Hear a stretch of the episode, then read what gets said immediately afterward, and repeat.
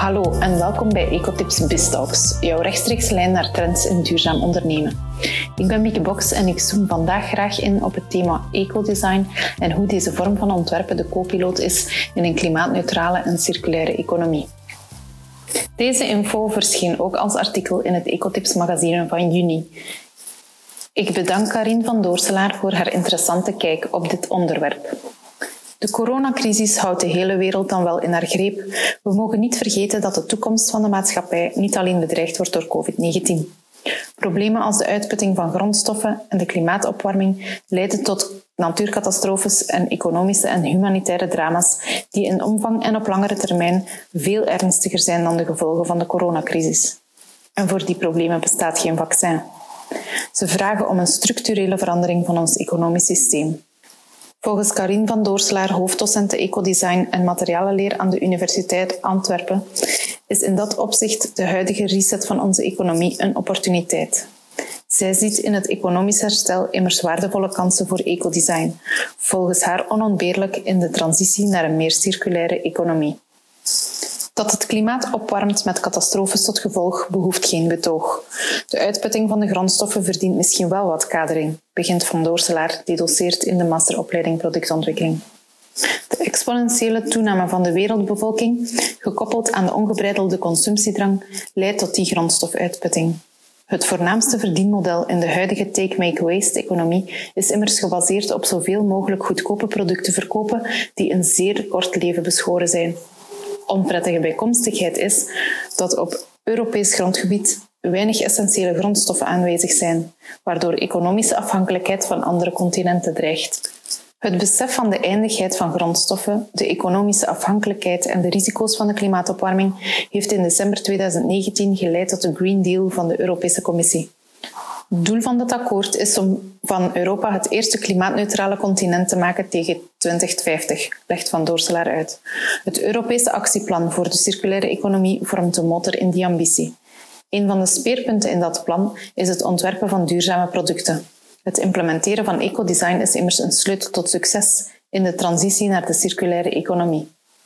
De principes van de circulaire economie worden meestal voorgesteld door het Butterfly-model van de Ellen MacArthur Foundation. Centraal in dat model staat de levenscyclus van het product. Grondstoffen worden omgezet in materialen, materialen worden verwerkt tot producten en producten komen in de distributieketen en uiteindelijk bij de consument-gebruiker terecht. In de huidige lineaire economie worden die producten na gebruik afval dat op de vuilnisbelt belandt of verbrand wordt. In de circulaire economie zijn dat echter geen opties. In de plaats daarvan wordt er naar gestreefd de kringlopen op diverse niveaus te sluiten. Dat wordt schematisch voorgesteld door de vleugels van het vlindermodel. Onderscheid wordt gemaakt tussen de biosfeer, de groene vleugel, en de technosfeer, de blauwe vleugel. In de biosfeer horen biobased materialen thuis. Materialen die gewonnen worden uit biomassa en die na gebruik via biochemische processen omgezet kunnen worden in nieuwe grondstoffen. Metalen, glas en kunststoffen zijn materialen uit de technosfeer. Die materialen worden via thermomechanische processen gerecycleerd. Cruciaal in een circulaire economie is die hiërarchie in strategieën. In eerste instantie wordt gestreefd naar een lange levensduur van producten. Dit kan door repareren en onderhoud te faciliteren en door hergebruik te stimuleren. Voor verpakkingen bijvoorbeeld kan dat door het statiegeldsysteem in te voeren voor herbruikbare verpakkingen of de verpakkingen zodanig te ontwerpen dat ze na het eerste gebruik een tweede leven krijgen bij de consument. Een mosterdpotje dat een drinkglas wordt bijvoorbeeld. Producten gaan uiteraard niet eeuwig mee. De volgende strategie is dan om de componenten ervan zo lang mogelijk te hergebruiken. Dat wordt voorgesteld door de volgende kringloop in het Butterfly-model: herfabrikage of opknappen. Producten worden als het ware helemaal opgekalefaterd door het vervangen van onderdelen, zodat ze zo goed als nieuw zijn. Bij het bedrijf Atlas Copco bijvoorbeeld koopt men de eigen compressoren op om ze na een stevige opknapbeurt terug in de markt te plaatsen als refurbished compressoren. Pas als laatste strategie in het model van de circulaire economie komt het integraal recycleren van de gebruikte materialen. Zoals het Butterfly-model toont, zijn er in de biosfeer verschillende manieren om het materiaal op te zetten naar nieuwe grondstoffen, zoals onder meer composteren of vergisten. In de technosfeer worden materialen gerecycleerd. Cruciaal daarbij is de aandacht voor de aanwezigheid van chemische stoffen in het materiaal die ontstaan tijdens het recyclageproces. Contaminatie en accumulatie van chemische stoffen in de materialenstromen moeten immers ten allen tijde voorkomen worden, want de gevolgen van de cocktail van al die chemische stoffen in het gerecycleerde materiaal zijn onmogelijk in te schatten. Een optie is uiteraard de chemische stoffen af te scheiden uit het gerecycleerde materiaal, maar daar hangt een kostenplaatje aan vast. Voorkomen in plaats van genezen is dus aan de orde. De principes van de circulaire economie nodigen uit om nieuwe businessmodellen uit te werken die het behoud van waarde centraal stellen. Een businessmodel dat zowel voor de consument, het bedrijf en het leefmilieu veel opportuniteiten biedt, is volgens Van Doorselaar Product as a Service, waarbij de consument betaalt voor een dienst en het product eigendom blijft van het bedrijf. De consument die huurgeld betaalt in plaats van een dure investering te doen, is zeker van een goed werkende dienst omdat de fabrikant instaat voor het onderhoud. Die fabrikant verzekert zich van een langdurige stroom aan inkomsten en heeft er alle baat bij een duurzaam product te ontwikkelen, dat hij later het liefst nog kan hergebruiken, wat dan weer goed is voor het milieu. Een waardevolle inspiratiebron op dat vlak is het document over de Value Hill op circleeconomy.com.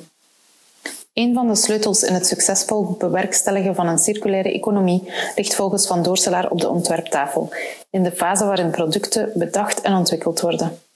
80% van de milieu-impact van producten wordt bepaald in de ontwerpfase van de producten. Ook de mogelijkheid tot het sluiten van de kringlopen wordt grotendeels bepaald tijdens het ontwerpproces. De kennis en aanpak van milieugerichte productontwikkeling wordt samengebracht in het vakgebied ecodesign. De milieu-impact van elke fase van de levenscyclus van het product wordt in de rekening gebracht, met als doel de input van energie en materialen te optimaliseren en de output van afval en emissies te voorkomen. Die levensfases zijn de keuze van de grondstoffen en materialen, het productie- en assemblageproces, de distributie en de verpakking, de gebruiksfase bij de consument en uiteraard het moment waarop de consument de producten afdankt. In die fase wordt gestreefd om de kringlopen te sluiten volgens de principes van de circulaire economie. Bij het implementeren van ecodesign in het ontwerpproces zal de ontwerper tal van vuistregels aftoetsen en in compromis met andere eisen, technische, economische, ergonomische, gesteld aan het ontwerp, keuzes maken.